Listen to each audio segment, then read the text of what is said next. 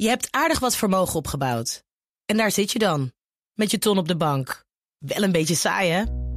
Wil jij, als belegger, onderdeel zijn van het verleden of van de toekomst? Bridgefund is een slimme fintech die een brug slaat tussen de financiële behoeften van ondernemers en van beleggers. Dus wie belegt bij Bridgefund krijgt niet alleen een mooie vaste rente, maar brengt ook ondernemers in beweging. Echt waar, met die ton kan je zoveel betere dingen doen. Bridgefund. Make money smile. Dit is een BNR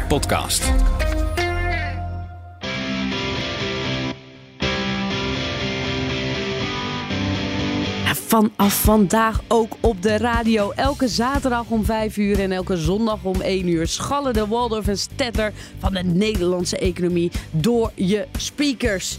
Ja, leuk dat je weer luistert naar Van Alle Markten Thuis. De podcast en vanaf nu dus ook radioshow waar oud-collega's macro-econoom Kees de Kort en oprichter en directeur van investeringsmaatschappij Antea Robert de Boek vrijelijk, zoals dat in een podcast kan, uh, hun inzichten delen in alle economische aangelegenheden.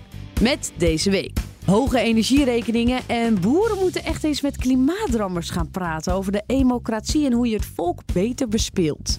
De Belastingdienst is zelf schuldig aan het belastingmoraal bij bedrijven. Robert en Kees hebben nog wel wat ideetjes om 14 miljard terug te vorderen. En alle politieke ontwikkelingen. Oh, de mannen kunnen niet wachten om daar dus heerlijk op te schieten. Rechtstreeks vanuit Muppetland zijn hier de opperpuppets. Met een scherp afgestelde bullshitmeter fileren de Waldorf en Stedtler van de Nederlandse radio elke week op scherp en eigen wijze de Nederlandse economie, financiële trends en beleid. En je snapt het, deze twee zijn van alle markten thuis. Ons motto is elke week hetzelfde. Gezellig gaat het niet worden, maar de moeite waard? Absoluut. Laurens Dassen van Volt is de allersneuste deugneus van Nederland. En functie elders was toch niet zo'n gek idee. Ter zake, heren. Ja, welkom aan uh, alle luisteraars, Kees. Ook onze nieuwe luisteraars. Hopelijk, hè, want hopelijk. sinds uh, deze week uh, ook op de radio. Na drie maanden ploeteren met die podcast zijn we blijkbaar door de ballotage gekomen. En ja, mogen we nu ook op de radio onze ongecensureerde meningen verkondigen. Goed nieuws, goed nieuws. Goed nieuws. Uh, we zijn van alle markten thuis. Dat uh, onderwerp, uh, die naam is niet voor niks gekozen. Dat betekent dat we het over van alles kunnen hebben. Maar het is vooral economie met een stukje politiek. Kees is als macro-econoom meer van de macro-economische inzichten. Kees heeft wat meer helikopterview. En ik ben als investeerder wat meer microgericht. Zullen, zal het wat meer hebben over bedrijven en dergelijke. Um, ja, leiderschap hebben we het al. Uh, we hebben één keer een uh, verkiezingsspecial gehad. Toen hebben we uh, alle politiek leiders even langs het filermes gelegd. Um, ja, leiderschap is belangrijk. Dat is in mijn vak ook belangrijk. Hoe kijk jij, Kees, sinds deze week tegen het leiderschap van Pieter Omtzigt aan? Ja, Robert. Ja, dat is allemaal toch wel vrij triest wat er allemaal gebeurd is natuurlijk. Het is eigenlijk, eigenlijk wel zielig. Het is eerder zielig dan, dan wat anders. Want laten we eerlijk zijn, als het NSC moeite heeft met, met de formatie en denkt van dit gaat hem niet worden, hebben ze natuurlijk het volste recht van, van spreken om te zeggen jongens, we stoppen ermee. Maar wat doe je dan? Dan ga je als NSC-onderhandelaars met het bestuur bij elkaar zitten. Je formuleert een aantal argumenten waarom je niet meer wil. Je schrijft een keurige brief, dat zet je ineens op papier. Je gaat naar de besprekingen, je informeert iedereen, je geeft de brief aan de, aan de informateur en je zegt van nou, dit is waarschijnlijk een verrassing. Maar zullen we, dan, zullen dan zo direct even samen een persconferentie geven, informateur en omzicht waar we het uitleggen. En dan gaan we gewoon ieder ons weegs. Zo zou het moeten gaan. Niks aan de hand. Nou, we weten allemaal wat er gebeurd is. Hij stopt ermee. Hij stuurt een appje naar Plasterk. En gaat naast André van Duin zitten om het uit te leggen. En gaat daarna naar huis. Dat is toch allemaal vrij pijnlijk. Het wordt nog pijnlijker, want een dag, en wat, argument, wat nog erger is, het argument waarom dat wat een groot breekpunt zou zijn, zijn de financiën van de Nederlandse, van de Nederlandse staat.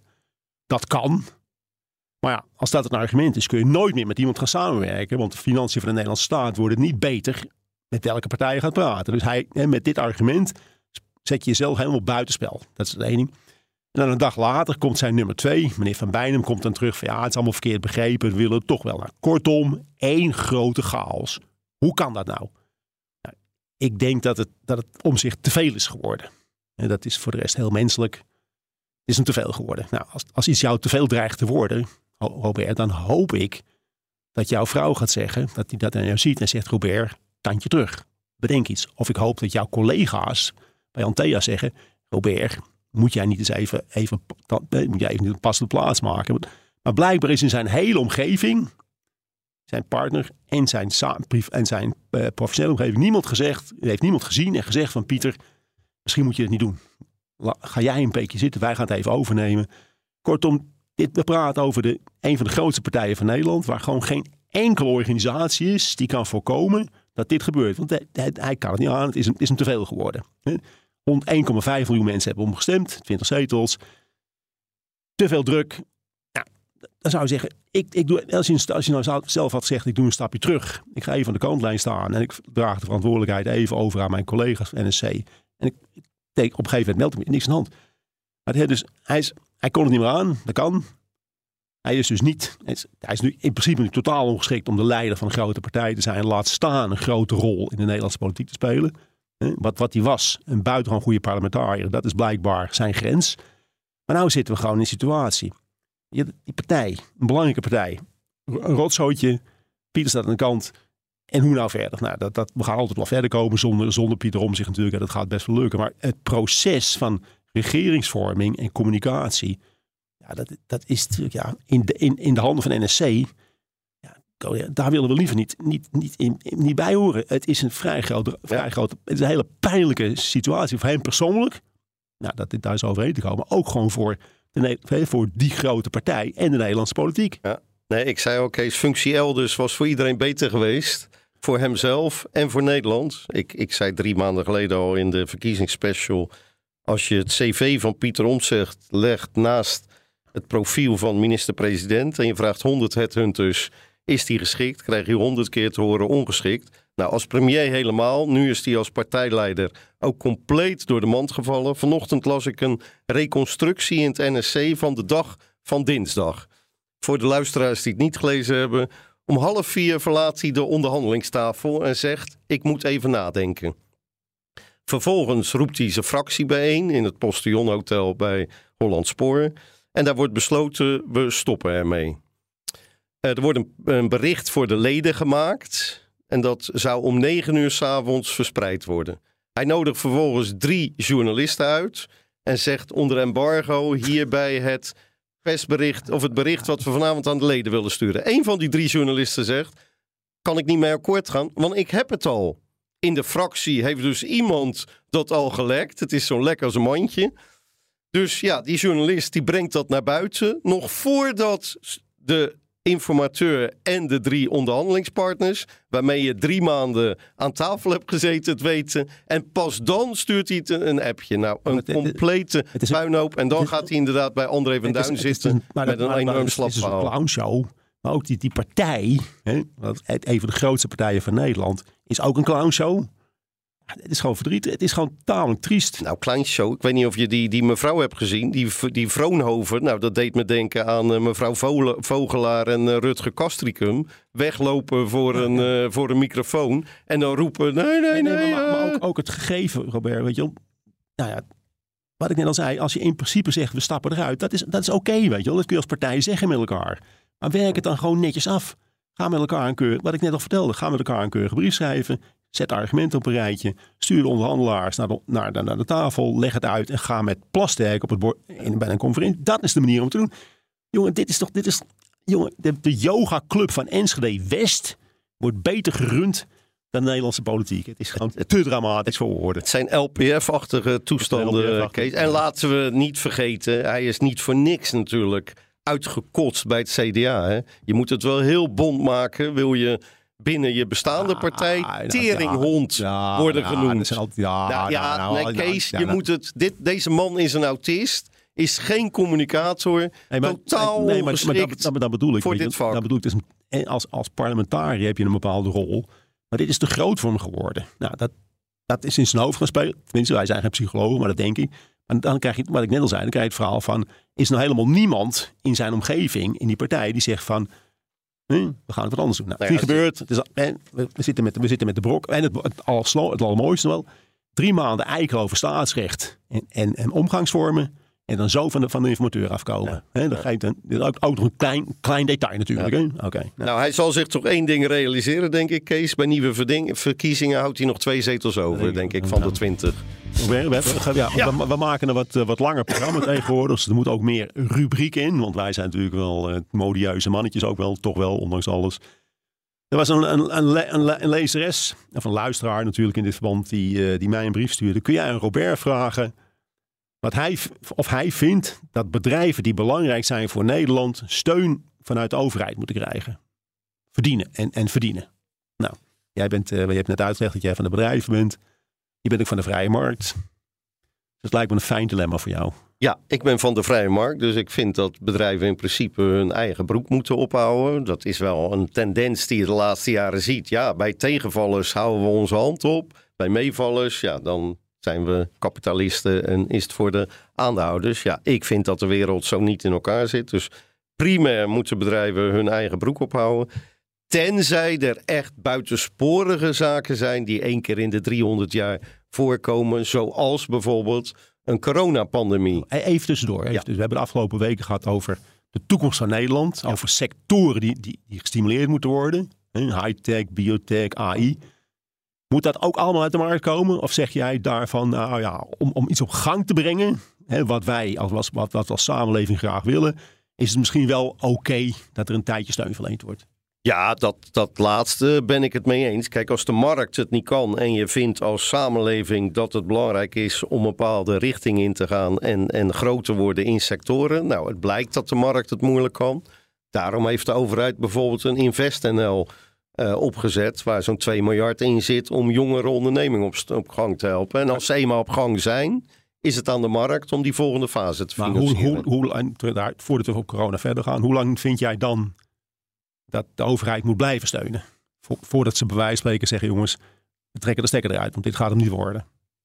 Ja, daar kan je niet in zijn algemeenheid iets van zeggen. Is die steun voor bijzondere zaken of is die steun om, om starters op, op weg te helpen? Dus daar kan je niet in zijn algemeenheid eh, iets, eh, iets over zeggen. Genuanceerd als altijd. hè? Genuanceerd, zeker. Wij, zijn- wij zijn genuanceerd, En jij bent heel genuanceerd, zoals, we- zoals, ja, zoals ja, we net daarom- gehoord hebben. Daarom zijn wij zo'n mooie mix, Maar goed, Kees. terug naar, naar corona. Ja, dat- corona. dat was- bij dat corona is het, verhaal. is het andersom. Als we in corona hadden gezegd, de markt moet het oplossen, ja, dan hadden we nu een, een gigantische werkloosheid gehad. En was eh 75% van het MKB er niet meer geweest. Dus chapeau voor, voor Rutte en het eh, toenmalig kabinet om steun te verlenen. Ik wist niet wat ik zag de eerste keer toen ik dat zag. Hè. Gaan de, gaat de overheid de loonkosten van bedrijven overnemen? Betekent dan ook dat ze genationaliseerd worden? Dat dacht ik. Nee, nee, nee. Het blijft gewoon particulier eigendom. Maar de staat gaat de lonen overnemen. Nou, perfect geregeld. Ook heel mooi dat we kozen toen voor snelheid boven zorgvuldigheid. Want ja, als je ambtenaren een regeling laten bedenken, ja, dan zijn we anderhalf jaar verder. En is al eh, 50% van het MKB failliet. Zoals ik al zei, genuanceerd als altijd. Zeker. Eh, maar wat we niet moeten vergeten, Oké, Kees. ah, nee, is belangrijk. Kom, daar komt hij. NOW-steun steun was geen, waren geen leningen, hè? die kreeg je. Maar je kreeg een voorschot. Je moest dus een inschatting maken hoeveel omzetdaling had ik het afgelopen kwartaal of verwacht ik het komend kwartaal. En op basis daarvan kreeg je een voorschot. En de afrekening vindt achteraf plaats. Dus achteraf wordt bekeken, had jij recht op NOW of niet? Dus het zijn geen leningen die terugbetaald moeten worden. Want we hebben nu van de week in de krant Nou ja, gelezen. dat, dat was het on- andere deel van die vraag van die mevrouw. Ik was er ook wel blij mee. Ja, Martine eh, schrijft, ja, er staat 14 miljard coronaschuld eh, staat eruit en de Belastingdienst heeft moeite om die te incasseren. Nou, die coronaschuld is niet dat er leningen zijn verstrekt aan bedrijven die zeggen, ja, ik heb het nu even moeilijk, ik kan het moeilijk terugbetalen. Nee, dat zijn bedrijven die ten onrechte NOW hebben gehad. Die bleken achteraf niet aan de criteria te voldoen. Nou, dan is er maar één sanctie, terugbetalen. Als je dat niet doet, dan breng je de bedrijven die geen NOW-steun hebben gekregen in een ongelijk speelveld met degene die het hebben gekregen en nu niet hoeven terug te betalen. Dus die 14 miljard, die moet terugkomen. Nou, dat wil je- ik zeggen, er is, dus, er is dus in de loop van het, in, die, in, die, in die maanden 14 miljard meer uitgekeerd. waar het Nederlandse bedrijfsleven recht op had Dat is eigenlijk wat, wat er voor Precies, precies. Die, die moeten terugkomen. Die moeten terugkomen. Nou, daar blijkt de Belastingdienst nu, eh, gezien de capaciteit, die komen 400 mensen tekort om die te incasseren. Dus de schattingen is, zijn dat eh, nou, de Belastingdienst zelf denkt dat 2,5 miljard eh, niet terug kan komen. Het CPB verwacht tussen de 2,5 en de 5 miljard wat niet terug kan komen. Dat zijn toch behoorlijke bedragen. En, en tast de belastingmoraal aan. Hè? Als, als, want laten we niet eh heiliger of roomser dan de paus zijn. Ik ken ondernemers. Als ondernemers weten, ja, belastingen, dat eh, eh, ja, wordt niet zo'n toezicht opgehouden, eh, wordt niet geïncasseerd. Dan is het hek van de dam. Ja, en het verbaast me, 400 mensen. Als je nou zoveel te vorderen hebt, er zijn hele grote incassobureaus in Nederland. Besteed dat uit aan incassobureaus. Daar hebben we toch niemand bij de Belastingdienst voor nodig. Besteed het uit, geef Verko- die verko- verkoop, een je fee. voor- verkoop je vordering. Verko- ja, kan ook. Verkoop je. nee, ja, nee, nee. Incassobureau, dan verkoop je hem niet. Hè. Dan doe je alleen de, de incasso's besteed je uit. Verkopen van de vordering zou ook nog een idee zijn. Kan er ook. Daar zijn best commerciële partijen eh, voor die tegen een discount Ja, uiteraard. eh, dat willen. Dus dat zou ook nog een optie zijn. En dat moet je afwegen tegen de vraag van ja, hoeveel ga ik missen als ik een beetje op deze manier Schuld, schuld in vordering door de markt. ja, dat zou kunnen. Maar in ieder geval, Ja. kijk uit of je die incasso kan. eh, of kijk of je die incasso kan uitbesteden. Want ja, het is een, het is een fors bedrag, 14 Maar miljard. Ongeacht de, jij vindt wel hè, dat die ondernemers die, die dan te veel hebben gekregen, moeten terugbetalen. Ongeacht de consequenties. Als dat, voor, Ja, die, als dat voor nou. die mensen betekent, dan gaan we eraan. So be it. Nee, Dat vind je dan weer niet. Er zijn ook weer aparte regelingen. Je moet altijd aan de wet voldoen. Er zijn aparte regelingen. Als jij kan aantonen, ah, ik was slachtoffer, ik ben zwaar geraakt door corona. En B, ik heb perspectief, zijn er regelingen. En als je niet binnen zeven jaar kan terugbetalen, dan zijn er mogelijkheden om een verzoek in te dienen tot eh, kwijtschelding. Maar dat moet je wel volgens de formele weg doen. Het is niet zo van, ja, eh, ik heb geen zin meer. Er zijn er natuurlijk ook een heleboel die spoorloos zijn. Die of nergens op reageren. Die 2,5 en 5 miljard die zijn weg. Die komen nooit meer terug. Dat is, dat is wel duidelijk. Daar gaan wij het ongetwijfeld nog een Ja, keer over, ja, eh, over hebben. het-. Maar je kan ook zeggen, ja, ik ga 400 mensen uit de markt halen tegen een heel hoog salaris. Want ja, eh 14 miljard is de moeite waard. Ja, jullie kijken naar mij, hè, maar ik moet even zeggen dat je natuurlijk ook je vraag in kan sturen hè, naar ons toe. Waar zijn jullie op zoek, jongens? Wat, wat, wat voor, of heren moet ik zeggen, sorry, heren. Waar zijn jullie nou op zoek voor vragen? Eh, waar, waarvoor kunnen we bij jullie terecht? Wij zijn van alle markten thuis. Ja, dus, eh, als, we, het- als we het antwoord niet onmiddellijk weten, dan gaan we het gewoon thuis uitzoeken en komen we erop terug. Maar waar gaat je hart sneller van kloppen, Kees? Nou, Dat weet je. Alle grote maatschappelijke thema's. Oekraïne, milieu. Noem het allemaal op. Het, eh, Amerikaanse politiek, Nederlandse politiek. Macro-economie. Ah, nou ja, dat kan, ik, dat, dat kan je altijd alle vragen voor stellen. Maar ik heb een wat bredere belangstelling dan de macro-economie. En Robert ook. Maar bij mij mag het ook gaan over fusies, overnames, private Ja, equity. Hoe verkoop ik Ja. mijn bedrijf? Hoe kom ik de crisis door? Dat is wel heel saai. Dat soort is wel heel- praktisch. dat is Nee, heel Kees, dat saai. is niet saai. Dat is het boeiendste vak wat er bestaat. Dus ook daar mogen vragen. Arbeids, ik hoor arbeidsvreugde. Ja, zeker, zeker, zeker. Arbeidsvreugde die alleen maar toegenomen is door deze podcast, Kees. Oh, heerlijk man. Je kunt al je vragen kwijt via redactie.bnr.nl of natuurlijk via Spotify. Daar kun je meepraten in de Q&A. We zijn zo weer bij je terug met meer Robert en Kees. Want ze hebben zich natuurlijk weer heerlijk zitten ergeren deze week. En het lijkt erop dat Dylan Jezogus wel of niet ingefluisterd door Robert dan. Maar in ieder geval ook naar deze podcast en Kees dus luistert. Tot zometeen. Wij kunnen er tegen. Maar als je uitdeelt moet je kunnen incasseren. Tuurlijk. natuurlijk, hè. Zo En de laatste die moet huilen balk. eh, Precies.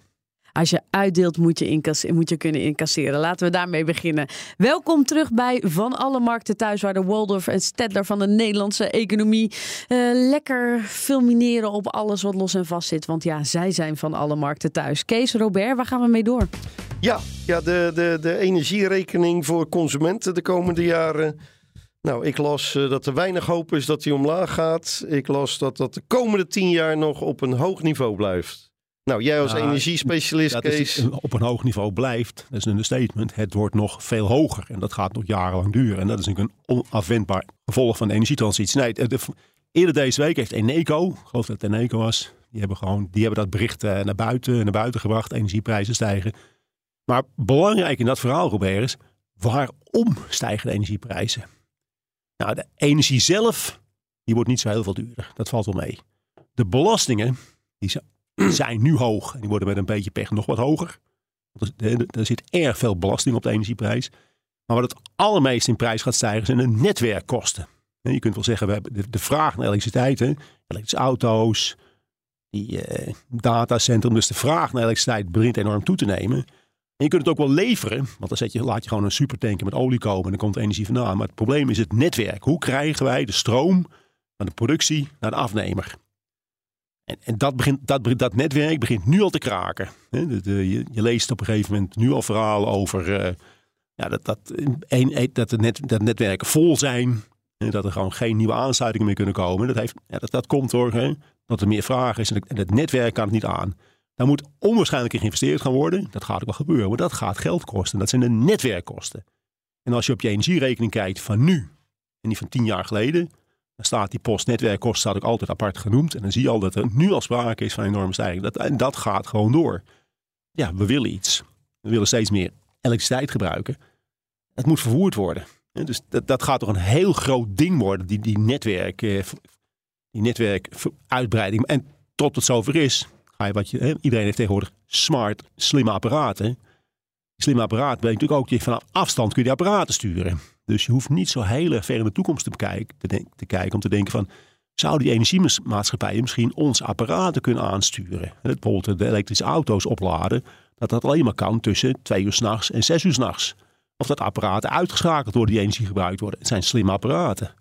Dus dat, dat hangt een beetje boven de Nederlandse economie. Dat, dat er gewoon van afstand gestuurd gaat worden naar, naar, het, eh, naar het gebruik.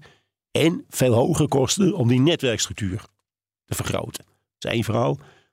En heb jij wel eens gehoord van mevrouw Kellerman? Ja, ex- ex-DNB. Zeker. Hij zit nu bij een eh, pensioenfonds. Die zit nu bij het pensioenfonds en die was, eh, vandaag, die was deze week ook in het nieuws. Want het pensioenfonds Zorg en Welzijn, dat is een van de grootste pensioenfondsen van Nederland. 2,7, 2,8 mensen die daar hun pensioen hebben lopen. Ja, die, die gaan stoppen met het eh, investeren in een aantal grote energieproducenten. Dat kan. Als, jij, als, je, als het fonds denkt van nou dat zijn slechte beleggingen, dan moet je daar natuurlijk niet instappen. Maar daarom stoppen ze niet mee. Nee, ze stoppen ermee omdat die grote bedrijven aangeven in de ogen van mevrouw Kellerman en het bestuur Langzaam. onvoldoende aandacht hebben voor de energietransitie. Dus die moeten gestraft worden. Alleen mevrouw Kellerman, die moet de energietransitie proberen. Je weet dat ik een mooi dikke tegen ben, omdat onze welvaart, de Nederlandse welvaart en ook de welvaart van de pensioengerechtigden van zorg en welzijn, is gebaseerd op betaalbare en betrouwbare energie. Meer smaken zijn er niet. Echt niet. Alles wat we hebben doen is gebaseerd op energie. Als we nou gaan zeggen we gaan een energietransitie doen, dan gaan we, die gaan we alleen een andere leverancier zoeken. Maar de, re- de resultante, hè, dat is het verhaal van het Eneco, is het, het is nu al duurder aan het worden. Hè? Want wind en zon, ja, die, zijn niet zo, die zijn niet zo betrouwbaar en het wordt al duurder. Dus het hele, het hele Nederlandse wel, mevrouw Kellerman is bereid mee te werken aan misschien een beter klimaat. Dat moeten we afwachten natuurlijk. Maar aan 100% zekere verarming van Nederland. Want als de energiekosten op gaan lopen in Nederland in West-Europa, dan kan je één ding zeker zeggen. Dan worden we met elkaar minder welvarend. En niet een beetje minder welvarend, maar heel erg minder welvarend. Ja, ik vraag me af of de, of de ontvangers van de pensioenen van zorg en welzijn zich realiseren dat als jij met dit soort dingen mee gaat doen, dat je gewoon op termijn, dat duurt niet zo heel lang meer, met elkaar veel armer gaat worden. En dan wordt het klimaat misschien iets beter, maar jouw pensioen gaat echt omlaag. Ja. Dat kan niet anders. Dus het, is- het is wel mooi dat je oké wil zijn, maar je moet wel even. Hè, ik ben ook. Hè, dit is wel prima dat je erover nadenkt, maar er is heel weinig discussie over. Wat zijn de consequenties Ja. van datgene wat wij waar we voor staan? Niet alleen de leuke consequenties, of de misschien goede, maar ook alle negatieve consequenties. Het, Ja. het, het totale gebrek aan aandacht wordt. Je kunt bedenken dat een heleboel consequenties puur negatief gaan zijn. Dat, dat begrijp ik gewoon niet. Dat er geen, geen zus is. Waar we ook armer van gaan worden, Kees, zijn de mm, miljarden subsidies eh, die aan de duurzaamheid worden besteed. Ik las dit weekend in het eh, NSC en in de Quote, fantastisch blad trouwens, de Quote, goede columnist ook. Eh, las ik over eh, Zelf- een zelf ondernemer, Even zelf pijpen. Floris Geris. En ja, die heeft allerlei groene projecten. Eh, en hij bouwt, eh, had onder andere het plan om een eh, vergassingsfabriek te gaan neerzetten in Delfzijl. En dat zou goed zijn voor het milieu. Het bedrijf heet Biofuel Groningen. En zou afval kunnen omzetten in groen gas ter vervanging van aardgas. Ehm, meneer Geres heeft daarvoor, schrik niet, van de RVO, Rijksdienst voor Ondernemend Nederland, een half miljard aan subsidies gekregen. 535 miljoen euro subsidie. En is de fabriek te gekomen? Nee, die is er niet gekomen. Maar, zegt Soms zit het mee, RVO. soms, soms zit het mee, soms zit het tegen. Nou, het gaat er niet om of die er gekomen is. De subsidie is bedoeld voor innovatieve projecten en daarbij hoort een risico dat ze mislukken. Het is voldoende als ondernemers kunnen aantonen dat ze hebben geprobeerd duurzame energie te produceren. Dat er in de praktijk geen groene energie wordt geproduceerd, maakt voor dit soort subsidies niet uit. Nou, ik dacht gelijk, dat moet Kees aanspreken. Dat spreekt mij bijzonder aan. Jezus, jongen. Floris Geris, schande. Nee, nee, nee, nee. Helemaal niet. En Floris, de, nee, Floris, Floris Geris, ik, die ja. heb ik helemaal geen... Je- door, Robert, heel simpel. Je mag als ondernemer moet je dingen proberen. En wie faciliteert het? Ja. Welke organisatie of welke commissie of welke directeur heeft gezegd... we beginnen gewoon gelijk groot. Maar, maar je kunt ook zeggen... We beginnen met jou, we begin- beginnen op kleine schaal om te kijken of het werkt. En jouw verhaal altijd, we beginnen wat kleiner en als het groot en als het dan goed lukt, dan gaan we het groter maken, scale-up. Ja. Maar waarom gaan we dan gelijk, wie geeft er godsnaam de toestemming voor, welke partij, welke organisatie, om hier 530 miljard miljoen in te steken. Ja. Zonder enige, enig idee wat het gaat worden. Dat is het bezwaar. Niet dat iemand het Nee, probeert. nee, dat klopt. Schande RVO. Gelukkig is er wel een tegenbeweging voor al die duurzaamheidsplannen, Kees. En ESG. Daar waar je in Europa ziet dat bedrijven worden aangeklaagd omdat ze niet snel genoeg vergroenen, zie je in de VS gelukkig het tegenovergestelde gebeuren. Eh, van beleggers die vinden, joh, Ja, let, weet- eens, weet- let weet- eens op winst in plaats van Weet, weet, duurzaamheid. iedereen, weet iedereen wat ESG is? ESG staat voor eh, environment, Environment, environment, social en governance. governance. En dat, dat wil zeggen dat je met jouw beleggingen de, de wereld een betere plaats zal maken. En dus je wil de wereld verbeteren door te beleggen in bedrijven waarvan jij denkt dat die ook de weer, eh, daadwerkelijk de wereld verbeteren. De realiteit is dat natuurlijk niet, dat het niet werkt. Hè. Dat, dat environment, hè, beleggen in duurzaam, dat, dat is gewoon een money pit. Dus de, laten we zeggen, de, de financiële resultaten van het ESG vallen krankzinnig tegen. Dus, dus verdwijnt als het ware de grond om erin te beleggen. Nou, het is in Amerika al lang duidelijk aan het worden, maar wij lopen altijd een beetje achter de VS aan. Het- Die financiële resultaten gaan niet beter worden, die blijven gewoon slecht. Dus het is een kwestie van tijd voordat ook in Nederland de beleggers zich gaan realiseren dat je met, eh, met beleggen en financiën, dat dat een hele moeilijke, dat, eh, laten we zeggen, een betere wereld en met winst beleggen, dat een hele moeilijke combinatie van factoren is. Nou, ik was vorige week over, op een forum over governance. En dat was wel interessant. Daar zei iemand, ja, voor ESG hadden we PPP. Dat wil zeggen People, Planet, Profit. En ja, dan was profit ook een van de drie belangrijke items. En bij ESG zien we dat criterium winst zien we helemaal niet meer terug. Dus ja, dat, Ah, dat vond dat- ik wel dat- was- opvallend. ESG, daar, of zit tien geleden was dat wel het idee. Weet je, we, we kijken met of we- hoe we een betere wereld kunnen re- welke bedrijven gaan investeren die ook een betere wereld met z'n. Maar goed, het is een doodgeboren kindje. We gaan naar eh, onze vaste rubriek eh, voor de luisteraars. Ja, Wolder van Stettler ergerde zich natuurlijk kapot heel de week, Kees. Dus we hebben een vaste rubriek, de ergernis van de week. Nou, dat is wel het moeilijkste voor ons eh, in, in deze podcast, Kees, om daar een keuze in te maken. Want iedere week zijn er weer heel veel ergernissen. Maar jij zal er best één Ja, hebben gekozen. ja, en, ik ben natuurlijk begonnen met de quote van Laurens Dassen. Hè, is de allersneuze deugneus van Nederland. Laurens zit in het Nederlandse parlement en die wil iets goeds doen. En binnenkort is het eh, twee jaar geleden dat Poetin de Oekraïne is binnengevallen. En Laurens wil wat doen om de Oekraïners een hart onder de riem te steken. Dus wat heeft hij voorgesteld? Wapens sturen, mensen Hey, oh, oh, oh, sturen, oh, oh, miljarden. Nee, nee, nee, nee, nee. Er moet, de Oekraïnse vlag moet op het Nederlandse parlement gezet worden. Want, ik ga de quote lezen. Even kijken, de Nederlandse vlag op het parlement. Hè, dat is een krachtig signaal richting de Oekraïners dat wij pal achter hen zullen blijven staan. Het er even herhalen. Een vlag ophangen in een, oor, hè, in een ander land is een krachtig signaal richting de Oekraïners dat wij pal achter hen zullen blijven staan. Ik denk dat ze in die Adivka in Oekraïne, waar nu per dag, want dat is het punt alweer, er gaan gewoon een paar honderd mensen per dag dood in de Oekraïne, omdat wij pal achter ze staan en wapens blijven sturen. Dus Laurens, die gaat nou voor de spiegel gaan staan en die zegt, ik heb iets gedaan om de Oekraïners te steunen. Nou, ik denk dat ze daar in de loopgraaf in Adivka in Oekraïne niet zo van onder zijn. Wat, wat een kloothommel, jongen. Wat, wat is dit voor ontzaglijke meisjes, meisjes, meisjes, gewoon mini-meisjes retoriek. We steunen Oekraïne. Dus ik denk dat Oekraïne een golf van gejuich op gaat, de 22e. Want in Nederland hangt de vlag van Oekraïne boven. Oh, Nou, man. Kees, ik ga dit weekend carnaval vieren in de Belmer. En dan denk ik dat in de Belmer er één Oekraïense vlag te zien is. Die van Kees. Nee, maar het is, toch- weet je, dit is een politicus, man. Die gaat over de toekomst van Nederland. Die komt met, met zo'n verhaal. Het, en, en de Tweede Kamer is het ermee eens, hè? Het is te verschrikkelijk voor woorden, jongen. We verdienen gewoon, we verdienen gewoon niet beter. waar.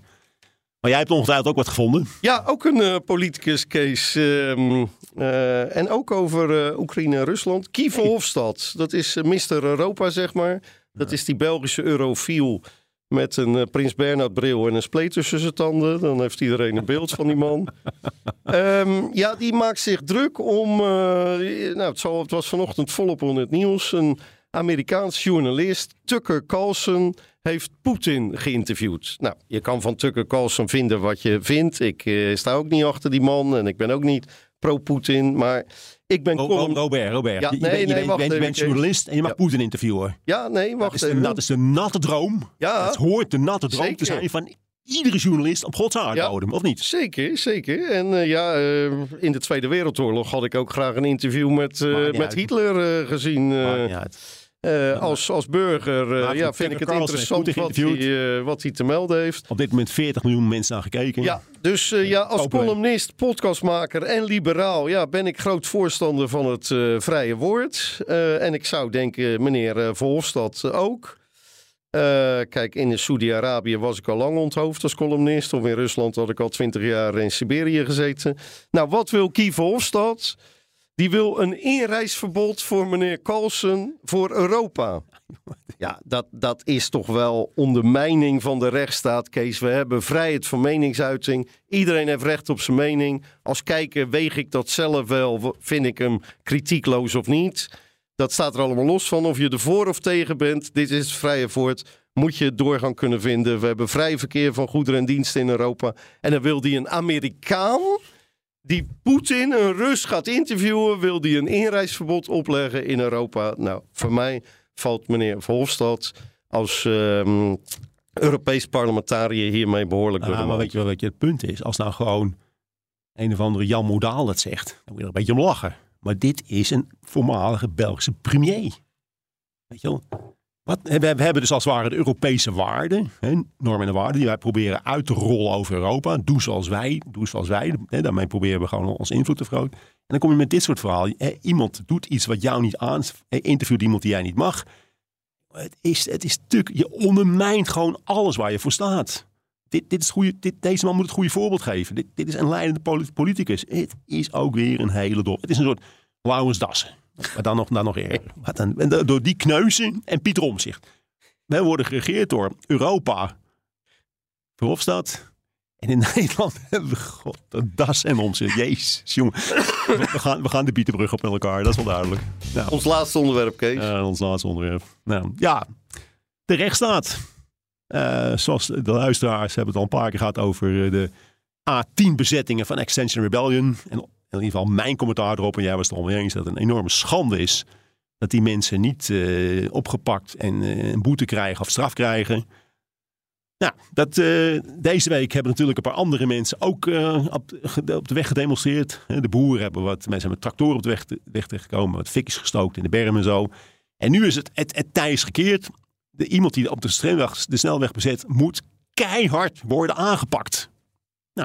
Nou, dat is op zich goed nieuws natuurlijk. Hè? Keihard lijkt me overdreven, maar het, het begint ernaar uit te zien dat we gewoon één maat gaan meten. Als jij op de snelweg dingen doet die dan niet horen als strafbaar is, dan ga je langzaam maar zeker. Ja, dan, dan krijg je te maken met justitie. En justitie heeft dus een zwaai gemaakt van ja, de, de, meisjes die het allemaal heel fijn vinden. En Extension Rebellion, ja, dat, dat kunnen we ook niet meer toelaten. Als je de boeren gaat aanpakken, kun je natuurlijk niet gaan zeggen. In A50 gaan we er wel mensen boeten en in A10 doen we het niet. Dus dat is op zich een, eh, een prettige ontwikkeling. Ja, nee, en ja, ik concludeerde, Dylan Jezus luistert naar onze podcast, Kees, van jij riep hier weken geleden al toe op. eh, dat, dat het OM en de politie eh, ja, regels moeten, moeten handhaven. Eh, nou, dat, dat deed men niet. En van de week, en ik denk dat de boeren daar inderdaad de aanzet toe hebben gegeven. En als je de boeren aanpakt, ja, dan moet je iedereen aanpakken. Dus ja, van de week kwam eh, het eh, nieuws dat na overleg met Dylan het OM en de politie eh, hard gaan optreden tegen demonstranten Nou, die zich niet aan de regels Ik houden. ben benieuwd of het ermee klaar staat als de Extension Rebellion mensen de A10 weer gaan bezetten. Nou ja, misschien gaan we het morgen weer zien of zijn ze allemaal carnaval aan het vieren. Ik weet niet of ze er zijn. Ja, dat is, dat is Ehm, wel een andere, andere component, hè, Robert. Als je gewoon kijkt naar kijk, klimaat en emotie, feiten, doen niet de zaken, afweging niet de zaken. Dat is ontzettend veel emotie geworden.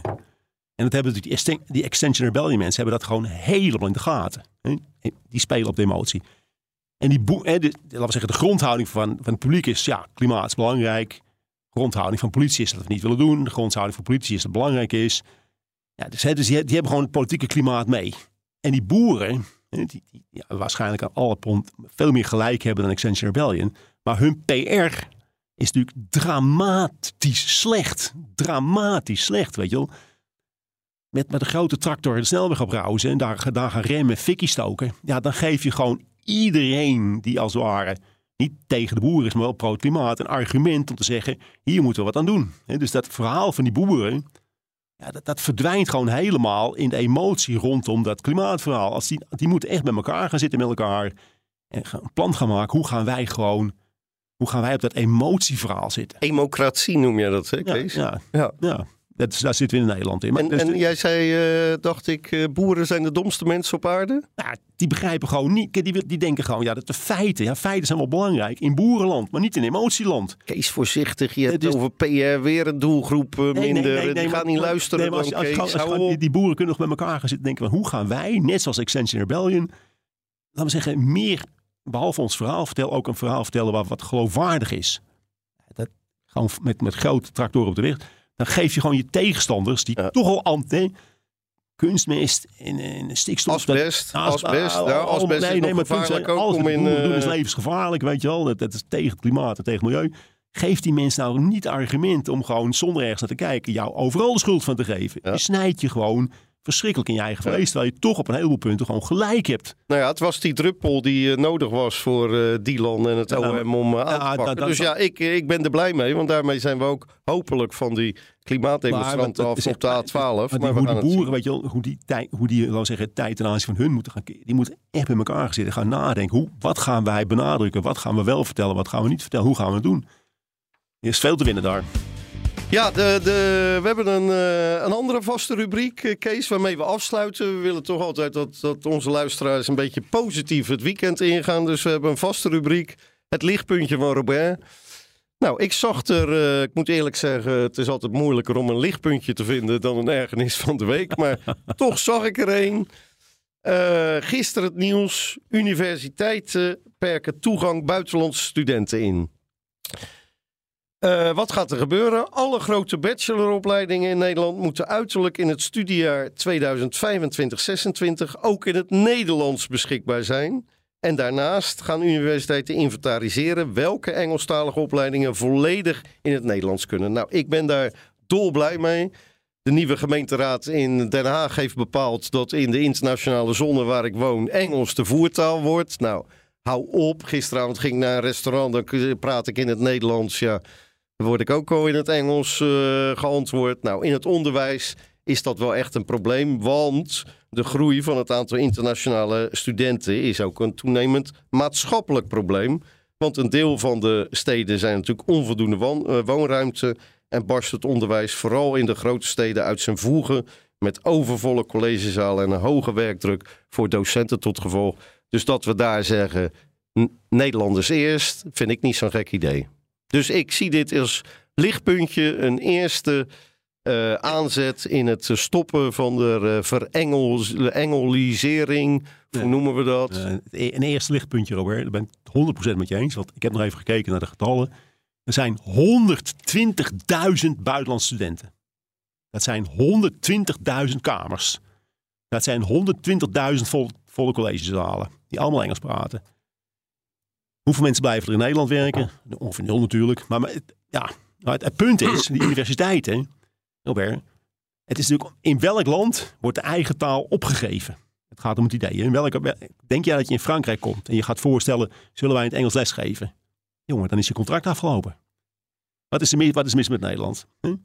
Dus waarom kunnen we gewoon niet zeggen, we geven gewoon les in het Nederlands? Hè, dus niet over vijf, zes jaar. Nee, we gaan gewoon les in het Nederlands geven. Nou, en als buitenlandse studenten willen komen, hartelijk welkom, graag. Maar gewoon Nederlands leren. Wat is er mis mee? 120.000 mensen die niet komen, onmiddellijk mee stoppen. Dat betekent 120.000 kamers voor, ne- voor mensen die Nederlands spreken. En dat betekent ook dat de prijs van kamers waarschijnlijk een paar honderd euro omlaag gaan. Wat voor iedereen prettig is. Dat heel veel mensen die nu nog thuis moeten, moeten blijven wonen. Jongeren. Omdat de kamers veel te duur zijn. Ook weer in aanmerking komen voor een kamer. Dus dat is alleen maar goed. Maar gewoon begin is gewoon met de ingang van het volgende studiejaar. Gewoon alleen maar in het Nederlands. We maken een Engelstalige op- opleiding af. Die, waar we aan begonnen zijn, maken we af. En dan stoppen we ermee. Onze En wat je hoog, wat je nog wel zou kunnen zeggen, hè, dat je een aantal opleidingen definieert waar we hele grote tekorten hebben. Hè, terug te komen weer op de, toekomstverhalen. Dat je zegt van nou, in de techniek komen we echt, komen we echt mensen tekort. Nou, dan kun je nog een kleine uitzondering maken voor, voor studies waarvan we zeggen, die zijn echt heel belangrijk. Die komen heel veel mensen tekort. Nou, dat- daar mag dan een parallel Engels worden gegeven. Maar voor de rest, wat is er mis met het Nederlands? En het hele idee dat die buitenlandse studenten iets toevoegen, dat is natuurlijk een totaal 100% macro-economisch, absoluut totaal bullshit verhaal geweest.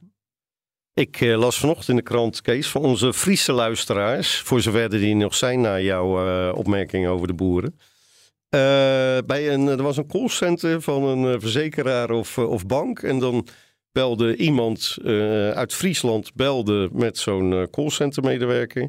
En dan begon die eh, klant in het Fries te praten. En de callcenter medewerkers mogen niet meer in het Fries antwoord geven. Dat Alleen, moet in het- alleen in het Engels. Nederlands. Alleen in het Engels. In het boeren, boerenengels. Ja. Goed, nou ik hoop dat onze luisteraars dit een leuke aflevering hebben gevonden, Kees. Ik zag jou doodnerveus, trillend binnenkomen, maar ja, het is je, het is weer wel, Zit je nou wel te- redelijk. Zit je me nou te dissen? Het is je wel redelijk goed Lekker, man. gedaan, Kees. Jij wil, hoe lang moeten wij Eh. samenwerken? Hoeveel uitzendingen wil jij maken op de radio? Eh, ik hoop dat je volgende week eh, fris en fruitig bent, Kees. Want het is natuurlijk carnavalsweekend. Dus ja, ik, ik vind jou een Nou, carnavalsvierder ik ben- bij je- uitstek. Ik ben geen party. Dus ehm, nou, die Oekraïense vlag, hang hem uit. En eh, veel plezier bij het eh, carnaval dit weekend. Je ziet het helemaal voor je. De een gaat verkleed als Zelensky en de ander misschien wel als Guy Verhofstadt. Dit was Van Alle Markten Thuis, de gezelligste economie-podcast van Nederland. Ga naar de podcast-app en klik op abonneren als je elke week een portie macro-economisch optimisme of realisme in je inbox wil ontvangen. Vanaf nu dus ook op de radio, elke zaterdag om 5 uur en elke zondag om 1 uur 's middags. Contact met ons opnemen, dat kan natuurlijk via redactie.bnr.nl ter attentie van Kees en Robert. Of je gaat naar onze Q&A op Spotify, daar kun je lekker mee kletsen. En natuurlijk al je vragen stellen. Tot volgende week. Je hebt aardig wat vermogen opgebouwd. En daar zit je dan, met je ton op de bank. Wel een beetje saai, hè? Wil jij, als belegger, onderdeel zijn van het verleden of van de toekomst? Bridgefund is een slimme fintech die een brug slaat tussen de financiële behoeften van ondernemers en van beleggers. Dus wie belegt bij Bridgefund krijgt niet alleen een mooie vaste rente, maar brengt ook ondernemers in beweging. Echt waar, met die ton kan je zoveel betere dingen doen. Bridgefund. Make money smile.